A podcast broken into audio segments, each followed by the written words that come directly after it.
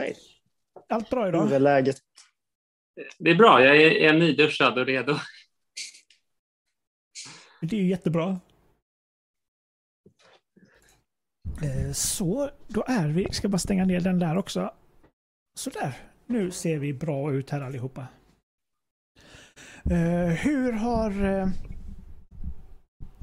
för de som inte vet vem Simon Stålenhag är. Eh, Jag läste på din Twitter att eh, är Kitchen Sink Pop Art. Eller något sånt där stod det. Sa, eh, Kitchen Sink Sci-Fi. Kitchen Sink Sci-Fi står det, ja precis. Ja. Vad, eh, vad innebär det riktigt? Nej, men jag tycker väl att det är det mest... ehm, det som bäst beskriver mina bilder så här, efter fyra böcker. Att det är liksom lite diskbänksrealism men, men också sci- science fiction. Ja. Eh, jag tror att jag, jag, kommer ihåg när, innan jag släppte den första boken och innan, innan någon visste vem jag var, då kallade jag det något liknande på, jag hade satt upp en så här printshop och så skulle man skriva någon så beskrivning vad man, beskriv din konst eller något. Då, då, tänkte, jag, då, då tänkte jag länge så eh, uh, skrev jag folkhem science fiction. För då hade jag liksom bara gjort svenska miljöer. Men sen uh, så blev det ju fler typer av bilder och det blev ju en bok som utspelar sig i USA och sådär. Men det är fortfarande, jag tror fortfarande att det där är diskbänksrealismen. uh,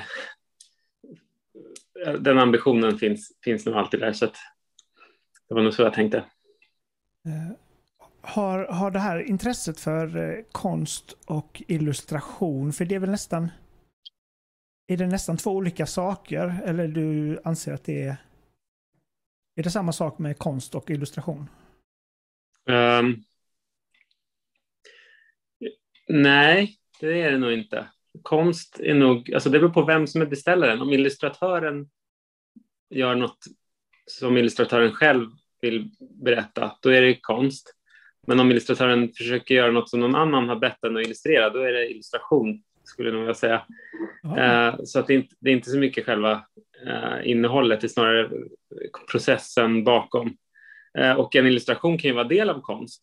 En, tycker jag, om en, om en konstnär beställer en illustration så är även om illustratören, då är det en illustratör som gör ett illustrationsjobb, men som en del av ett konstverk och sådär. Men, men eh, jag vet inte, jag brukar kalla mig själv illustratör och författare. För att det, jag, jag kan inte riktigt, de kan inte riktigt leva helt utan text och texten kan inte leva helt utan bild. Så, så, jag, så, så jag tycker att jag är liksom dels författare som hittar på historier och sen så är jag illustratör till dem, för berättelserna. Var får du inspiration av? Man, man ser ju på dina illustrationer att det är ju svenskt samhälle. Eh, Ja. Gärna lite äldre du inspireras av. Var, Ja. var, var kommer idéerna ifrån? Är det bara Um, någonting som finns i ditt huvud? får jag bara fråga, vill ni att jag ska göra så här? Ja, Alltså, jag Spelar ingen roll. det funkar. Ni Jag har det får så. Ni har så, och om jag inte har så, så på något sätt blir någon, någon har ju fel. Men i alla fall, eh, inspiration. Jo, eh, jag är väl, alltså svårt att säga. Det, det har varit olika genom åren.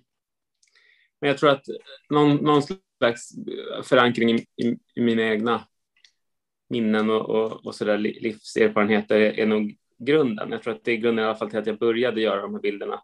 Att jag kände Mm. att eh, det fanns en massa o, o, omålade saker som inte hade målats på det här sättet. Alltså, I alla fall inte i en science fiction sammanhang. Jag tror att jag, jag såg liksom saker från dels från min egen barndom men också runt omkring mig som jag ville måla i ett sånt här alltså, det- kontext att jag kände att det, att det förtjänade att målas Mm. med, med, med en, liksom en, en äventyrlig inramning istället för en... Jag tror väl det, det är det också som kanske gör att jag inte riktigt vill säga att det är konstnär, för jag känner att, att äh, även om jag har inget emot om någon kallar mig det, men att själv presentera mig som det, det känns som att jag, jag känner att jag alltid haft så nej men det, det viktigaste är ändå att det är spännande.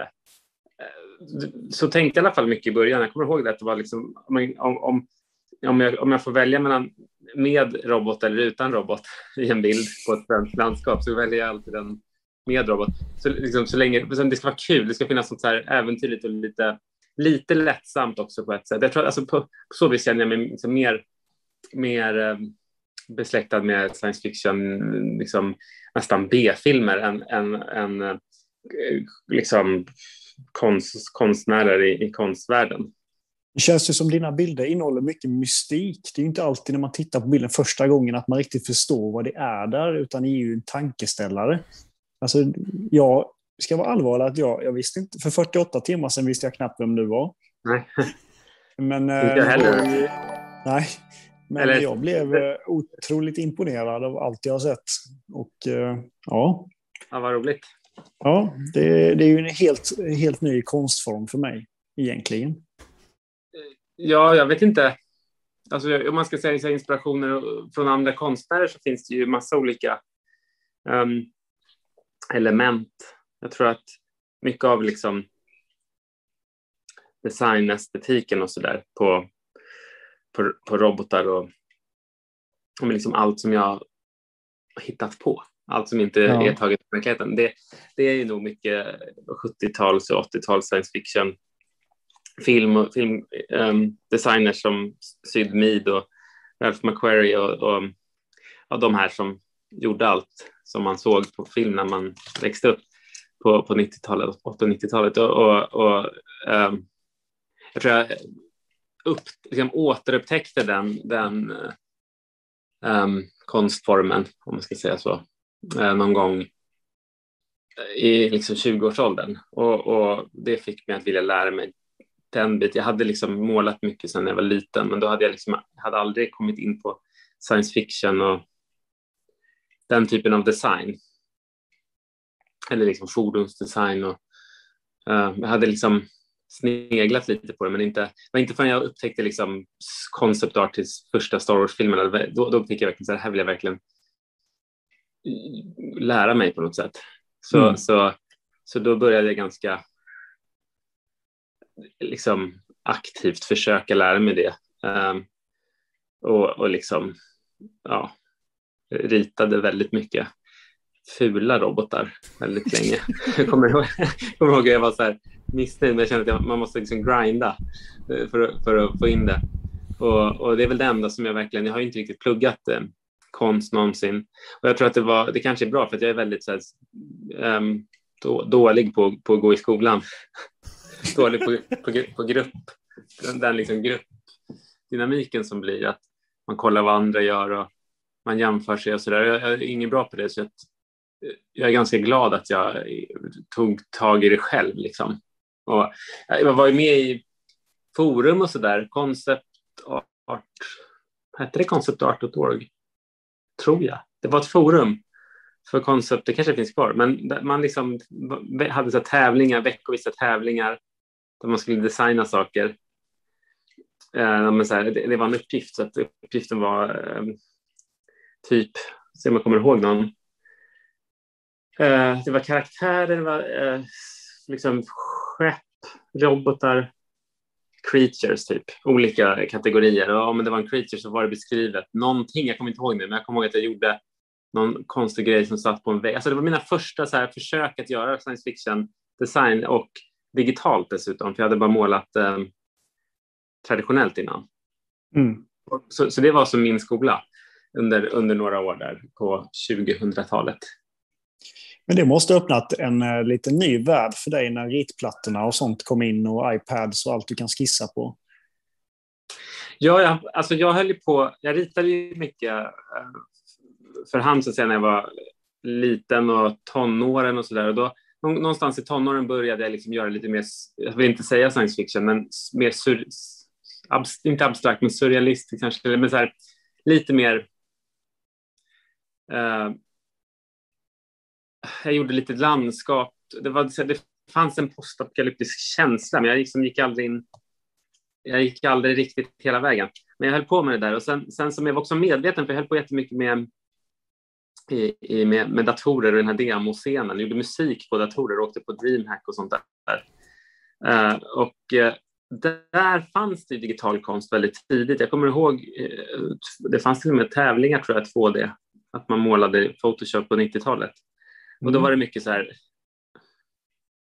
någon som hade målat av typ en fotomodell med så här, något så här lila ljus och sen något typ rymdskepp. Alltså det var så väldigt, motiven var aldrig särskilt tilltalande, men jag kommer ihåg att jag tyckte att det var häftigt att det var gjort på en dator. Men samtidigt så när jag samtidigt som jag höll på med det så var jag ju det som jag målade, jag var inte intresserad av liksom estetiken hela den världen var inte så intressant. Också de här demoscenens estetik, är ju, den är som en här, trippad rave estetik, mm. liksom, med massa så här kromade bollar som åker in och ut varandra. Sen, och också sådana här väldigt liksom, kitschiga saker. Jag, jag, var inte så lockad av det, utan jag var mer, höll på mer med musik då. Så, så det tog ett tag innan Alltså det fick mig inte att vilja börja måla digitalt om vi säger så.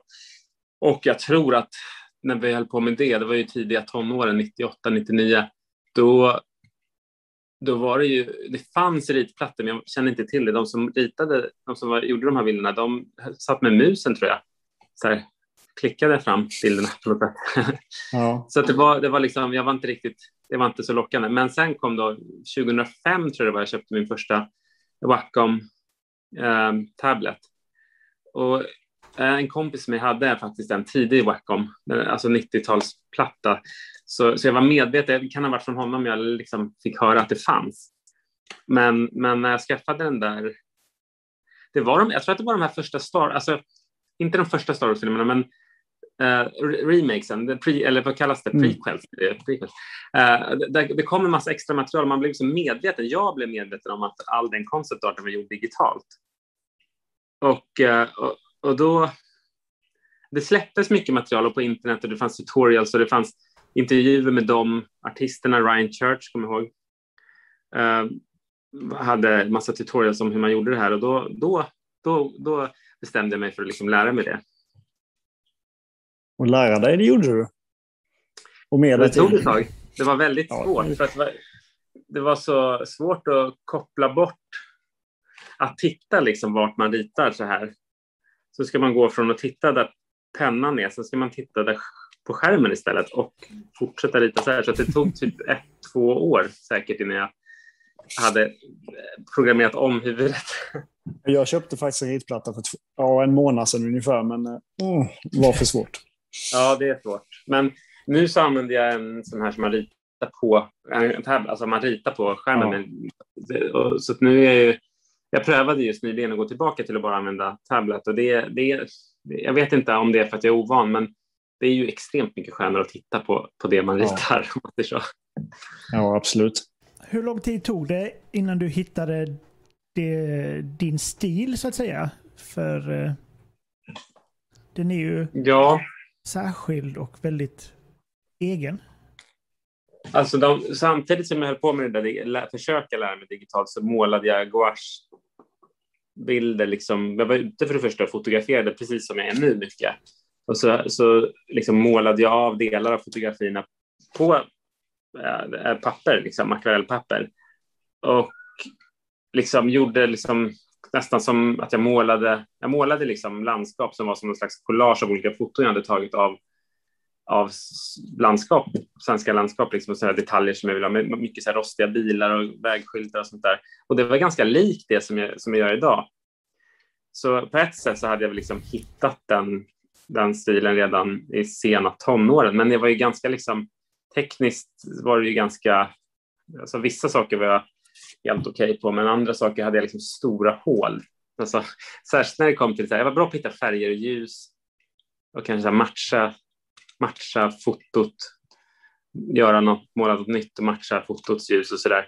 Men, eh, men när det gällde liksom så här, män, mänsklig anatomi och, och, och robotar till exempel är ju väldigt mycket anatomi, även om man inte jag tänker på dem som äh, levande varelser så ska man ju, jag tycker att de blir bra om man faktiskt betraktar dem mer som djur än, än äh, maskiner. Mm. Och, och det är en väldigt stor skillnad på att rita en, liksom ett, ett, ett skepp eller en, en fordon och en robot. För en robot har massa leder och rörelse och behöver liksom, den, kan, den, den blir, tycker jag är alltid mest intressant i bild om den är, ser dynamisk ut och man liksom kan få känslan av att den är balanserad och liksom hur den rör sig och hur den fungerar.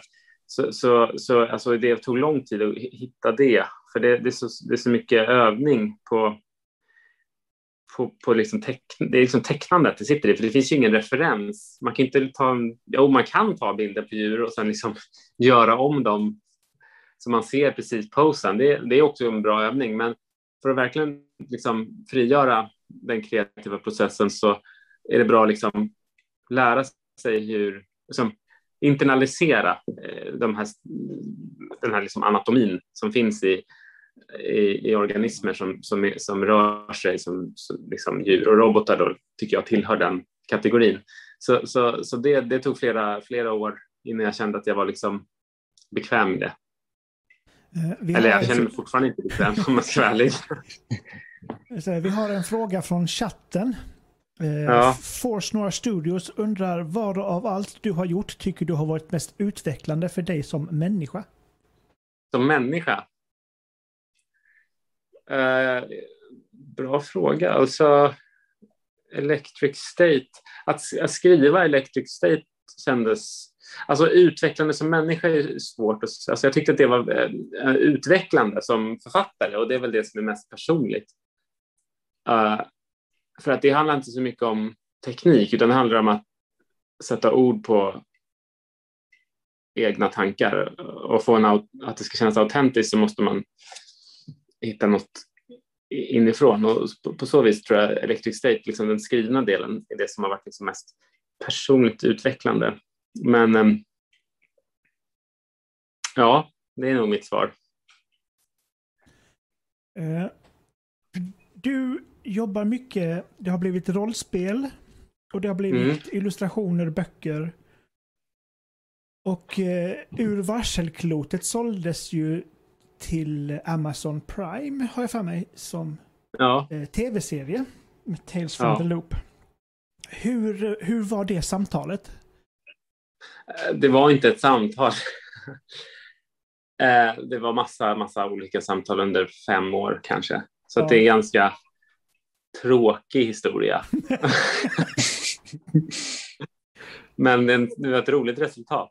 Men det var liksom stegvis större och större. Så att det började med att jag sålde till ett svenskt företag som jag jobbade med här. En Väldigt liten grej och vi skulle göra det som en svensk historia. Och sen så hörde de, det var det största så här, hoppet, det var väl när när de som faktiskt produktionsbolaget som drog igång det här som heter Sixten Idaho som är Matt Reeves produktionsbolag, han som har gjort Apornas planet och håller, är det han som håller på med nya Batman tror jag. Men hans produktionsbolag hörde av sig till mig och frågade om de kunde köpa rättigheterna. Då sa jag, men ja, det är ett svenskt företag som äger dem, så, så ja, kopplades de in och så, så gick det gick det vidare, till, eller liksom, de, vi tog det till och bestämde att det skulle bli en amerikansk serie istället. Och eh, då, det var nog 2015, så att det tog liksom fyra år innan, innan Amazon, jag tror inte ens att Amazon, Amazon kom in i slutet, där Fox var inne emellan och det var också ett ganska stort steg. Um, då, alltså, under, jag var massa i USA under den här tiden och träffade massa människor och det var massa olika som var intresserade eh, under resans gång. Och det var, jag kommer ihåg att jag träffade dem här på Fox. Det var ett speciellt möte. Um, och sen, ja, men sen så blev det då sist, sist av allt så kom Amazon in i bilden. Och då, alltså jag är ju sedan länge liksom, jag har ju inget att säga till om vid det här laget. Det är inte som att jag kan säga så här nej, för att det har ju liksom gått vidare till större och större hajar. Mm. Mm så, så, men jag är glad om det kan eller så här, de som, de, det här amerikanska Sixten Idaho och Matt Reeves bolag och eh, Mark Romanek kom på ganska tidigt också. Han, de var så, jag älskar ju liksom Mark Romaneks filmer och så där. Jag kände bara jag kände mig lugn. Att, eh, så, så länge de kan få det de behöver för att göra det som de vill, då, är, då, är, då, då blir det säkert bra. Uh, och Nathaniel som skrev det, han var också väldigt, liksom, det är väldigt, att man säger så här, slutresultatet är väldigt likt det han skrev mm. och det som han liksom pitchade för mig, Nathaniel. Uh, så, så det har varit väldigt lite liksom, urvattning av deras material. Och sen så, de flesta skillnaderna, nästan alla skillnader, fanns redan i, i Nathaniels skriv, skrivna material om man jämför med, med mina böcker. Mm. Och det största är att det inte är i Sverige. Så, så, men det fanns ju saker som jag hade, jag hade gjort annorlunda om jag hade gjort den i USA. Då, då hade jag ju um, hitt, alltså verkligen inte, då hade jag ju dumpat allt skandinaviskt och försökt göra, hitta någonting amerikanskt, ungefär som jag gjorde med Electric State, att jag ville liksom um, hitta något som kändes lika amerikanskt som Tales from the Loop kändes um, svenskt. Uh, men, men de var liksom amerikanerna var liksom fascinerande, fascinerade av det skandinaviska, så de ville ha med det. Och uh, det är liksom ett annat grepp. Det är inte riktigt mitt grepp.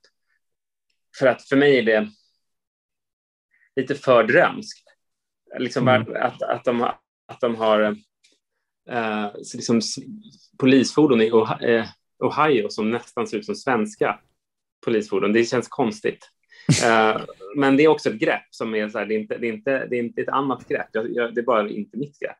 Uh, och det är liksom, det är snarare Mark Romaneks grepp och Nathaniels grepp. Och, och de, de är inte tappade bakom en vagn. Så att det, liksom, det finns ju något i det också. Och, och um, liksom när man, när man ger, no, ge någon ansvaret att liksom göra något sånt här så måste man också ge dem fria händer. Eh, annars kan man liksom, det går liksom inte. Man kan inte. Jag kan inte förvänta mig att det ska vara precis som jag vill. Eh, för då, då skulle ju jag vara regissör och manusförfattare och den, även om jag, eh, om jag ens skulle få det, det ansvaret så skulle jag inte vilja ha det. För bara Nathaniel, han gick ju från att ha svart hår till grått hår under de mötena vi hade under produktionens gång. Men blir du, blir du nöjd med slutresultatet på serien? Ja, alltså det, det är svårt. Och svårt. Alltså jag är väldigt nöjd med att det blev, att det blev deras, att det inte blev liksom urvattnat eller omgjort. Det, sen, sen så, som sagt, det är så svårt eftersom att jag är så nära materialet, så det är svårt att se på det helt utifrån. Jag har svårt att föreställa mig hur jag skulle tyckt om jag inte hade gjort Tales from the Loop, om man säger så, boken. Mm. Väldigt svårt att se det så. Ja. Är du en sån, jag fotar ju och sånt också. Är mm. du en sån person så när man är ute och går med dig så är du lite, lite lätt eh, distraherad av att titta på saker? Vinklar och sånt du hittar i naturen. Är du en sån person också? Ja, men jag tror inte att man är ute och går med mig när jag ja, det är så. har kameran ner. jag, jag tycker om att gå själv och eh, jag brukar inte, jag tar med mig kameran eller så tar jag inte med mig kameran. Och det, ibland är det klart att jag hittar saker, men det är sådär när det är, när det är kanske någon bil eller något som är väldigt ovanligt som man säger, jag bara måste, och då tar jag några bilder. Men, nu har man ju mobilen i fickan tyvärr. Ja, exakt. Då kan det räcka med mobilen. Men, men, äh, men annars så när jag, alltså, det är ju så vardags, jag har den alltid med mig på, på mina liksom, dagliga promenader och då äh, då tar jag ju, men alltså det är inte, det, det, är olika, alltså förut så tog jag mer bilder, nu, nu bor jag ju liksom mitt ute i, på Mälaröarna, precis där liksom Tales from the Loop utspelar sig. Mm. Och eh, det, jag, alltså, jag har tagit alla foton här redan som går att ta i alla möjliga år. Alltså, det är liksom, jag gjorde 2003. Så att jag är lite restriktiv. För det, de tar så, jag, det är också saker som jag vill spara för resten av livet, bara för att det känns så jag har ju sparat sedan 2003 så nu vet jag att jag måste ju försöka, det får inte försvinna. Jag vill ju vara, när jag blir liksom pensionär, det vill jag ha varje månad fotograferad sedan 2003. Mm. Så det är väldigt så här, jag försöker ta liksom plikttroget ta bilder hela tiden, men samtidigt är det så här, de ser ju exakt likadana ut. Så nu blir det mer som ett lång, lång, långsiktigt projekt att jag tar bilder av för att visa hur Mälaröarna förändras. Det, alltså, för jag, jag, jag kommer liksom jag använder inte så himla mycket av den här miljön längre i mina bilder. Uh, så det blir mer som en, nästan som dagboksanteckningar. Uh, men sen så gör jag så fotoresor och det har varit svårt nu under covid. Mm. Men, men då är jag verkligen så där att jag bara tar bilder och letar platser och liksom är ute hela dagar och så där. Det låter bra det. Du får väl helt enkelt börja beställa lite skrotbilar till eh, där du bor och portionera ut dem i naturen lite och fota lite nytt. Ja, jag har en skrotbil faktiskt. En gammal Volvo. Som, eller den, är, den funkar, men den är, nu, har, nu har jag inte kört den, eller jag har inget körkort, men min fru har. Och, men vi har inte kört den. Den står, den, jag vet inte om den startar längre och jag har funderat på att köra ner den i trädgården och göra om den till någon slags enorm blomlåda. Men, men, jag, men jag tror att, eh, att det är förbjudet. Jag tror att man, man får nog inte göra så, va? Alltså det är dåligt för miljön. Ja, det kan det nog vara. Ja, jag, ska, vi får se. Jag kommer nog inte genomföra det här, men det, det, det står i alla fall en gammal 244 från 79 här på tomten. Ja, de är coola. Eh, jag har en eh, till fråga från eh, mm. Felix Karlén som undrar mm. hur det ligger till med den kommande filmen. Uh, ja, vad ska man säga? Jag vet inte mer än ni, höll säga. men, men jag, den är ny castad, det var det senaste. Uh, huvudrollen, Billy Bobby Brown från Stranger Things, mm. uh, har ju, är castad och de har, har ju gått ut och sagt att de ska spela in den, tror jag nästa år eller om den ska släppas nästa år redan. Jag vet inte hur de ska hinna, men, men eh, de, den, den, den, den är liksom pre-production, inte pre-production riktigt. De, de tror de fortfarande håller på med olika drafts på manuset, men eh, man vet aldrig. Man vet, jag har fått höra att man, man ska aldrig säga att det blir av förrän man är på premiären. Så, så, det är väl så, men det, de, allt, allt som jag hör är att det kommer bli av. Men det, så, så, så har de sagt om alla projekt som någonsin har påbörjats. Så, så um, vi får se. En, eh, en fråga som man inte kan undgå egentligen. Det mm. är ju Generation Zero debaclet. Debacle. Det är länge sedan nu. Det är länge sedan ja. Um, Får jag bara säga, tror att det är en bra, tror att det skulle bli uppskattat om jag gjorde en så här reacting, reaction-video där jag spelar igenom, det jag aldrig spelat det nämligen. Det och kommenterar. Varit, det hade nog varit lite kul. Det hade varit ah, fan, så hade jag aldrig gjort. Nej, Nej men för att det, alltså, det är så, det, alltså, jag, jag, jag, skulle kunna spela igenom det som, som någon slags alltså, Sverige-konsult. Ja. ja. Och, och så ja, kommentera liksom, för att de har ju samma de har ju så att säga gjort samma saker som jag har när det gäller liksom att försöka hitta någonting svenskt och så där. Sen, sen, men jag, kan inte, jag är ingen bra gamer. Liksom. Jag spelar ju lite spel, men jag är väldigt dålig. Jag, jag gillar inte utmaningar och så där. Så att jag, jag, jag, jag, är mer som en art director skulle jag kunna spela det ja. Du är en sån som kör easy mode för upplevelsens skull. Ja, jag saknar ju eh, den gamla goda tiden. När man kunde fuska. God mode. Ja, God mode. Det är liksom och no clip och no liksom hacka ja. spelen mer eller mindre. Ja. Uh, för det är så jag spelade mest, om jag ska vara helt ärlig. Jag, liksom, som i Half-Life, så jag spelade väl igenom det liksom, då, men då var jag ju tonåring. Men Half-Life 2, jag, jag, tror att jag spelade igenom det, det orkade jag nog göra, men, men jag var ganska snabbt lärde jag mig liksom alla kommandon för att här, ändra om hur det funkade och kunna liksom bara liksom utforska. Det är som en, ett spel är som en jättelik skulptur. Liksom varje nivå är som en skulptur i sig. Alla mm. objekt är ju 3D-skulpturer. Det är, liksom, det är som en utställning för mig som man ska gå runt och titta på. Och dessutom har Fresh fått särskilt en massa fysik och så där började komma. Så, så, så jag har aldrig riktigt...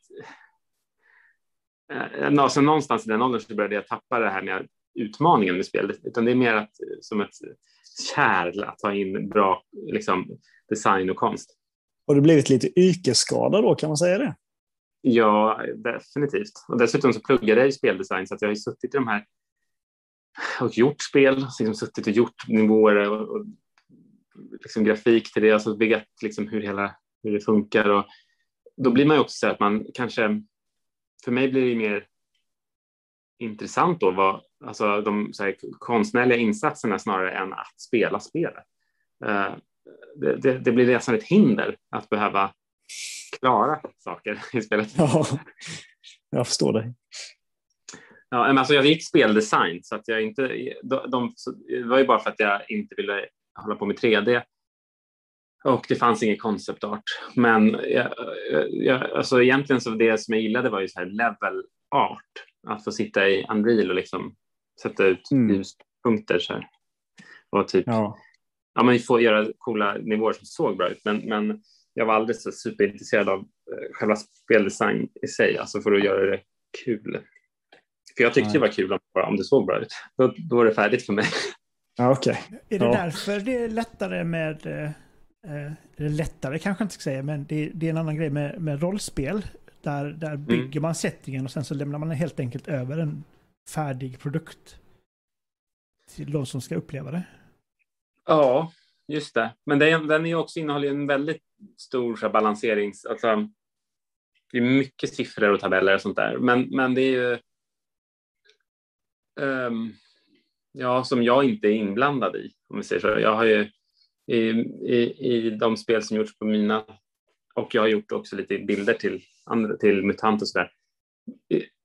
Uh, nej, men det är ju, det är ju en spelkonstruktör, Nils Hintze heter han, som är typ, uh, ur varselklotet. Och det är ju speldesign i högsta grad, så där vågar jag inte ens säga något om det är lättare eller, eller svårare. uh, jag tror att det kan vara svår, svårare på ett sätt eller mer intuitivt. Så jag vet inte, det, i, i, dataspel är svårare på det sättet att det, du kan ju få verkliga buggar. Det, det finns ju säkert buggar inom rollspel också på ett sätt, men det är inte lika uppenbart som i eh, programmering. Nej. Jag tänkte lite på, ja, vem är egentligen Simon när han inte är konstnär, illustratör, tv-spelskapare, rollspelskapare? Vad, vad hittar du på annars när du inte jobbar? Eller det är det um, du gör? Ja, alltså jag gjorde ju det när jag inte jobbade förut. Ja. och nu jobbar jag med det. Så att jag, det, jag, jag är ingenting annat. Är nej, men jag är väl, nej, men alltså, jag, nej, alltså, jag är ganska dålig på det. Um, allt, det är lite nästan... Uh, jag önskar att jag kunde koppla av, men det är liksom... Det, jag, alltså, det, problemet är att jag kopplar ju av när jag gör det här. Ja. Så när det blir, alltså det kan bli en form av stress, som, när det blir stressigt då går det inte att koppla av. För att det, det, jag har inget annat, jag har liksom ingen frisbeegolf eller något sånt där som okay. jag alltid har kunnat koppla av med. så att Nej. det finns, alltså allting, alltså, men det är så här, jag går ut då, och går ut och går, det är jag får koppla av, men då är jag, har jag ju kameran med och är ändå i det. Och sen så är det så att det som jag, alltså, det blir som en, nästan som, alltså man förstår att vissa kan bli lite knäppa i huvudet som håller på, eh, särskilt författare, när man ska hela tiden skapa något nytt material som är liksom baserat på någonting som kommer inifrån och då, då är det svårt att stänga av det. För att allt mm. man gör, gör man, ju, man, man har liksom gjort sig själv till, till en produkt nästan. Så, ja. så, och man kan aldrig fly från sig själv, så på så vis kan det vara lite jobbigt ibland. Uh, och, och, och så, jag ska faktiskt ärligt säga att det som, jag, som förra året så kände jag att det var lite väl mycket. Jag hade gjort eh, labyrinten och det var liksom också himla grävande i, i sig själv och så där. Och Eh, då kände jag att jag ville göra lite normala jobb. Så att jag, eller normala jobb, men jag, jag, jag gjorde lite regigrejer där, man, där jag faktiskt jobbade med, och jag gjorde en som inte har släppts ännu, en, en liten så här, uh, cinematic typ som en reklam för, för ett, ett kommande spel. Så mm. då är det ett befintligt IP och allting, så det var ingenting som hade med mig att göra. Utan jag liksom var som en slags bara ja, regisserade det här, liksom, att hjälpte, hade ett konst, men art director kan vi säga. Och, och mm. då var ju liksom behovet var inte att jag skulle få det för att jag skulle vara nöjd, utan det var som man kände att för det första kunde vara nöjd, men också man bara känner att det här är inte, har ingenting med mig att göra, det här är bara det jag tror blir bäst. Mm. Och sen också det här med att jobba med folk och hur man så här, att jobba med andra som liksom är begåvade och har en helt annan styrka. Man gör saker som man själv aldrig skulle kunna göra och så kommunicera med dem. Så där. Liksom, det var min avkoppling. För att, för att ja. då fick jag liksom, på något sätt, det, det, då, då, det, det, liksom, då fick jag träda in i någon slags professionell roll och det, det gör jag ju väldigt sällan. Jag är väldigt mycket bara mig själv, ensam. Ja. ja. Din respektive, krävs det att hon också har något form av intresse eller eh, för att det ska fungera med din vardag, så att säga? Ja, alltså man måste ju eh, man måste ju ha tider där man stänger av. Ja. Alltså, eh, för hon är, hon är ju musiker och vi förstår ju det i grunden. Alltså, vi träffades på på, på, när vi var väldigt unga. Och hon är ju eh, jazzmusiker och, och, har ju liksom, det var under de omständigheterna vi träffades. Så att det, det är grunden, men man kan, man kan inte umgås så. Man, man måste ju, vi, i, I och för sig så spelar vi lite musik ibland, så har gjort det en del. Det är trevligt, men det, det, går inte, det är väldigt lite. Alltså, när man umgås, då ska man ju umgås. Annars blir det ju, det blir väldigt fel tror jag om man försöker slå två flugor i en smäll. När man, har rätt i. Ja, så, så, så jag behöver väldigt tydliga liksom, uh, så jag behöver ett tydligt schema. Jag är lite liksom autistisk på det sättet att jag behöver veta att liksom klockan fem idag så slutar jag jobba och då, då, då gör jag sociala saker. Och, så på så vis kan man säga att det är en form av avkoppling att faktiskt umgås eh, med liksom familjen om man säger så. Och, och, och vänner, att veta att då ska, då, då ska vi liksom äta middag ihop med de här. Och det, det kan vara väldigt skönt faktiskt. Det är förståeligt. Mm. Vi är ju i speciella tider. Eh, mm. Hur har det påverkat dig i ditt skapande det här året? Har det varit jobbigare? Eller har det funnits tid för mer eh, skapande liksom? Uh, jag skulle säga att det varit jobbigt. Alltså, om man jämför med de flesta människor så har jag haft det extremt bra för att det, jag har ju kunnat göra i, ungefär samma saker. Det, är bara det, det, det, som, det som har varit jobbigt är ju att jag men till exempel inte har kunnat göra någon resa.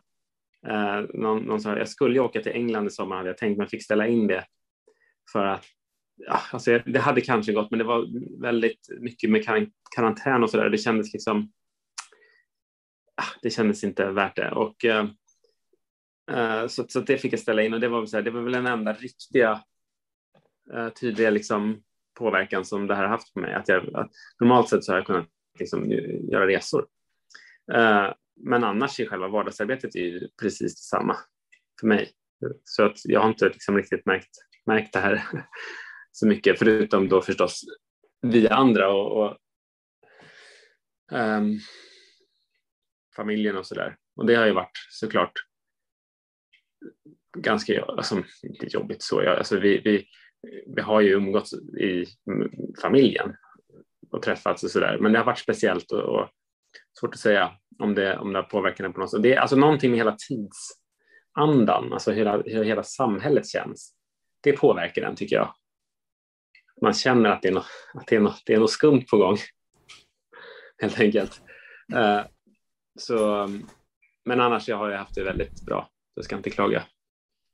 Kan denna pandemin vara någonting som rinner över i din konst framöver kanske? Jag hoppas inte det.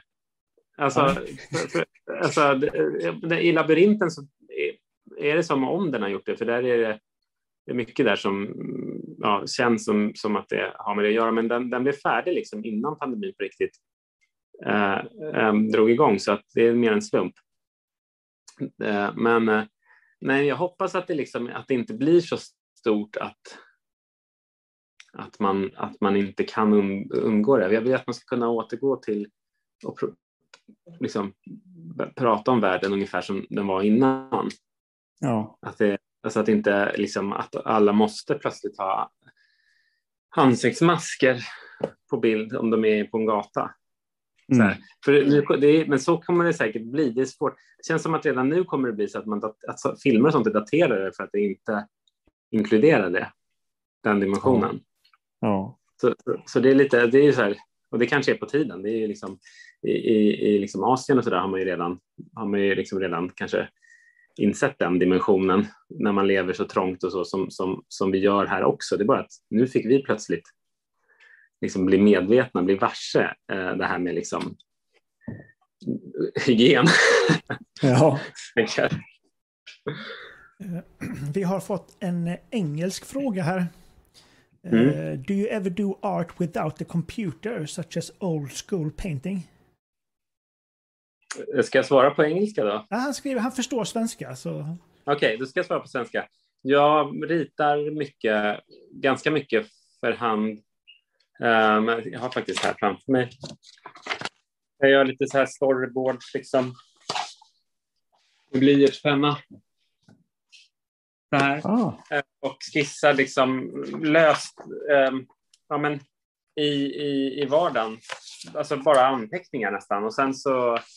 Um, uh, men jag målar inte så mycket längre, nästan ingenting. Det, det, gjorde, det var länge sedan. Jag, jag har gjort lite försök och sådär, men, men jag kan sakna det, för det är väldigt fint, fint och, och meditativt, men, men um, svårt. Så att jag, det finns ju ingen ångra-funktion. det behöver väl en det är väl lite av eh, charmen också kan jag tänka mig. Att ja. Då får man uh, adapt and roll and adapt. Jag vet inte vad det heter. Ja, nej, men det, ja, jag vet. Roll with the punches. Ja, nej, jag vet inte. Det, det, jag tycker inte om när det, när, man, när det blir fel. Om man inte kan... Och, så, och, och också då blir jag så här, jag orkar inte göra om det. Då har jag helt plötsligt inte tålamod. Så att Um, där, på, de, på, den, när det gäller uh, måleri så ska jag säga nu är jag 100% digital.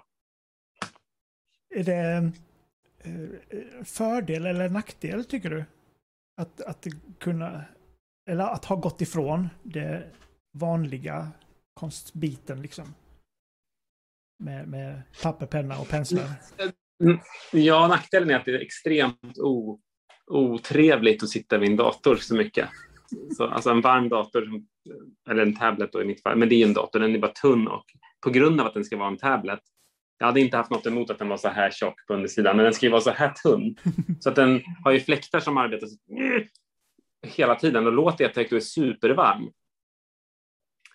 Eh, så det är inte så trevligt att sitta vid det jämfört med ett så här fint grängat tjockt liksom papper som är som Alltså det, det går inte att jämföra upplevelsen, men eh, det kanske kommer när digitalt bläck är så, när vi kan måla, när det känns som att man målar på papper fast det finns kontroll Z liksom. Uh, den, den, ring mig då. jag, hör, jag hör ju att du ska ju spana in den nya iPaden med M1-chippet utan fläkt. Det ska vara jättebra för all digital konst. Jaha, jag har en sån här iPad Pro som går att rita på. Den är ju... Mm. Den, men jag har svårt, iOS och, och jag måste, alltså jag har, det går säkert, men jag gillar, för det första gillar inte, den har en väldigt glasyta, så det är väldigt, bara det går bort och pennan har det, ingen... Det kan, du, kan du faktiskt köpa ett, på, ett lägg på så att det känns som papper. Mm. Eh, jo, men jag, jag är trött på Wacom eh, nu för att eh, alltså, de är så dyra, de, de låter mycket och eh, det är inte, alltså det, det, det, det alltså jag vet ju inte om det, det kan ju vara så att det faktiskt deras pennor är tydligen väldigt bra. De behöver man aldrig ladda eller någonting och de känns bra. Men, men liksom så här, någonstans så. Det här med att rita på så som man gör då, att man ritar på, på en skärm.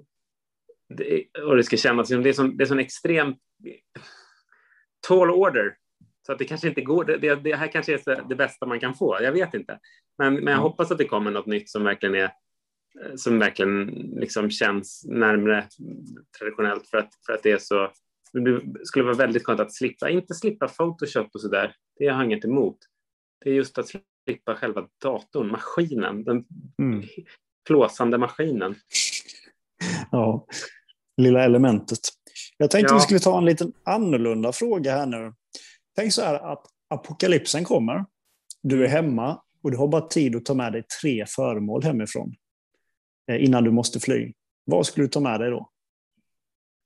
Alltså, eh, ska, är den seriös? Ska jag svara seriöst? Liksom, som så här, du tänker ja, att det är rollspel, liksom, vem som har längst chans att överleva. Nej, men um, jag skulle väl ta en, två av dem skulle vara behållare med vatten. Okej. Ja. Uh, Stannar ritplattan hemma då? Ja, den ryker direkt. Men jag skulle, in, jag skulle inte ta med mig alltså, pennor. Skulle man kunna, det är inget, allt det där, bort med det. Jag skulle ta en kniv, en kökskniv här borta och sen vatten. Det är väl det man måste ta. Det beror på vilken postapokalyps eller vilken apokalyps vi pratar om. Ja, nej, det, är inte, det är inte så noga. Ja, men om det är liksom... Nej, men om man ska tänka seriöst, då, de säger att människor inte beter sig som på film, att de börjar inte liksom mörda varandra direkt, utan folk börjar samarbeta ganska mycket. Så jag skulle vilja ta med så väskor och sånt som är bra eh, om man måste lämna sitt hem då, om det är något sånt. Då skulle jag vilja ta med väska och liksom tre saker är för lite. Men... Ja, det är absolut för lite. Det är bara ja. en liten avkänning vad man är för sorts skor. skor, men Ja, de, kanske, de kanske räknas. Men jag skulle ta med ett extra par skor. Ett, jag skulle ta mina kängor också. Ja. Alltså mina gymnastikskor också. Så ett av dem där skulle vara skor och sen så... Ja. Ja, kökskniv, vatten och skor då alltså. ja. Ja, Gud vad det är en tråkigt. bra start. Ja, men det känns ju som att det är rimligt. Det är mycket inte- rimligt. Jag skulle inte ta med mig en diktsamling. Nej, Alltså, okej. det, det skulle många säga så här. Jag skulle inte kunna leva. Varför ska vi fortsätta livet om inte jag får med min Tranströmersamling? Men Min, min dagbok. när det väl händer, då skulle man så här. Skit i det, jag tar kni- kökskniven istället. Ja, helt rätt. Det finns inga rätt och fel. Det är bara lite Nej. kul. Ja. Vad, eh, vad finns det på horisonten nu i, i det närmaste? Liksom? Vad jobbar du på? Um, vad jobbar jag på? Jag håller på med olika saker. Eh, lite grejer som tänkt ska bli film direkt. Direkt. Men som som inte ska göra som bok först. Eh, som, är, ja, som, som är väl hemligt kan man säga.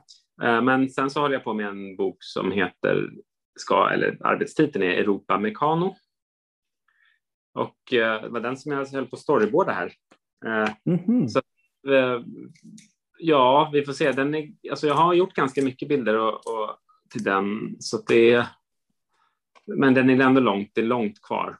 Det, det, jag har det här kommer vara, alltså jag, innan har jag gjort ungefär vartannat år släppt en bok, men det, det här kommer nog bli lite fler år för att jag har gjort annat och sådär. Eh, Men, eh, men så det är det, så det är egentligen same old skulle jag säga.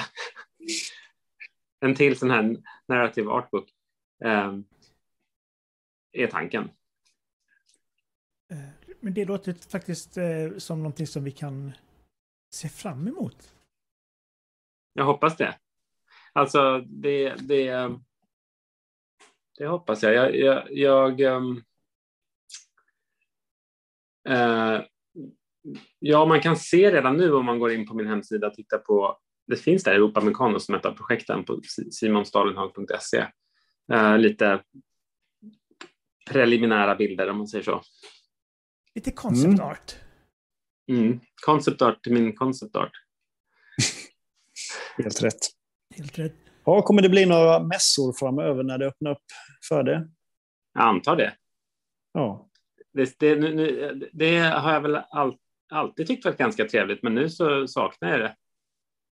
Det, Det gör det är vi med. liksom, Ja, det är liksom något speciellt. Det, det är ju lite så särskilt som, eh, som en som person som hängde på de här st- stora LAN-partyna på slutet av 90-talet. Det är liksom, har lite den känslan. Det är min vuxna motsvarighet. Bokmässan är som DreamHack för vuxna, eller på säga, men, men eh, för bibliotekarier. ja. Alla blir lite som barn igen. Ja, något sätt. och, och det är något speciellt med det. Men det, jag, jag, det, jag saknar, om vi ska gå tillbaka till DreamHack, så, så här, det, det, det, jag är glad att man nu, får, att man nu liksom bor på hotell. Ja. Eh, för att då, då, på den tiden då bodde man liksom i en sovsäck i, i, liksom under ett skrivbord. Man vaknar upp med tangenter i ansiktet. Ja, just det, sådär bak, spegelvända bokstäver. Men det, det, eh, det kanske är det som man ska göra nu då för att få extra feeling eh, och sova i sovsäck på, Ja. vad heter det, i bokmässan. Men vad är, vad är, vart, vart, eh, men vart, eh, vart är det ni brukar åka?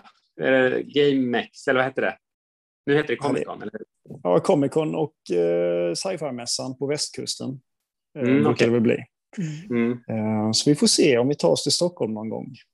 Ja, Eller ännu längre ifrån. Det får vi se lite. ja, Hoppas att vi träffas på någon av de mässorna framöver. ja, det vore trevligt. Ja, verkligen. Eh, Men om man vill kolla på mer av din konst så är det simonstalenhag.se. Ja, Och eh, Det är en väldigt gammal sida så ni får ha överseende med den dåliga tekniken och att det är lite så döda länkar. Jag, nu är jag stolt över att koden är från... Det, jag tror den senaste liksom, nya koden som gjordes var 2000... Eh, alltså jag, jag, jag gör ju ny, lägger in nya bilder, men den, liksom, det som är själva hemsidans design, det, det är från 2008 tror jag. det är jättekul. Men det ska vara lite old school. Ja, men det, man kan inte, browsers är svåra att bestyra över. Eh, jag önskar ju att, för att jag, den går att titta på, man kan titta på den. Jag har en gammal liksom, XP-dator med en gammal skärm och så där i 1024. Den, den är perfekt att se och titta på i, på 1024 x 768. Det är liksom Windows XP. Eh, men, eh, men den är bra, den skalar ju upp bilderna naturligt, eller Chrome gör ju det, så att det ser ju ungefär likadant ut. Men det är någonting, den är liksom, ja, det, det är dags att upp, uppdatera den, måste jag väl erkänna. Men jag, samtidigt så blir jag så här, att det känns rätt att den är gammal och att bilderna är 1024. Man måste klicka på dem, så ni vet. Då får man en högupplöst bild, annars får man se den med 1024. Ja, det kan man ju inte göra. Det går inte. Nej, det är liksom ikoner idag. Det är ikonstorlek. ja, det... Jag var, inne, jag var inne och började följa din Instagram och du fotar okay. ju även och lägger ut mycket bilder där ju. Ja, men det är det som jag tar med iPhone-kameran. Men nu var det, alltså, min nya iPhone-kamera, den är, den är liksom, det är den här faktiskt som jag tittar in i. Den är för, ja. den är för bra, så att den ska förbättra okay. allting. Så det är väldigt svårt. Du får höja ison helt enkelt och lägga på mer grain. ja, alltså, så det ser sämre ut. Jag har kvar min gamla iPhone. Jag kanske ska... Men det, jag tycker Instagram är, inte... Jag tyckte om det förut. Det har väldigt bra snabba funktioner. Det är liksom att göra allt det som jag normalt sett gör med mina vanliga bilder med min andra kamera. Då. Men, ehm, men, eh, men själva Instagram som plattform är väldigt konstig. Det börjar bli det nu. Ja, och Twitter också, ska vi säga. Eh, så att jag, jag, jag vet inte. Det känns, jag är väldigt sociala medier-trött. Ja, ta en liten paus där. Vi får börja brevväxla ja, istället. Ja, med alla följare. Jag skulle nästan hellre göra det. Eh, mm. Men Simon, eh, ja, tack så mycket för att du ville vara med och prata lite med oss idag. Mm. Och så tack själva. ser vi fram emot eh, eh, nya illustrationer och eh, nya mässor och konvent helt enkelt. Ja, absolut. Får, vi ta en, ja. får, får, vi ta en liten intervju på plats då när vi springer på det nästa ja. gång? Det hade varit absolut. jättetrevligt. Exakt. Ja. Okej, okay, men ha det bra. Detsamma och tack till alla som har tittat och ställt frågor. Och eh, ja. vill bara pusha lite grann för nästa, eh, vad heter det? Nästa intervju klockan Oss. 17 idag med eh, Anton och Frida från Din Boy i bukten. Den får ni inte missa. Och eh, tack så mycket för idag. Ha det bra. Hej då. Hej.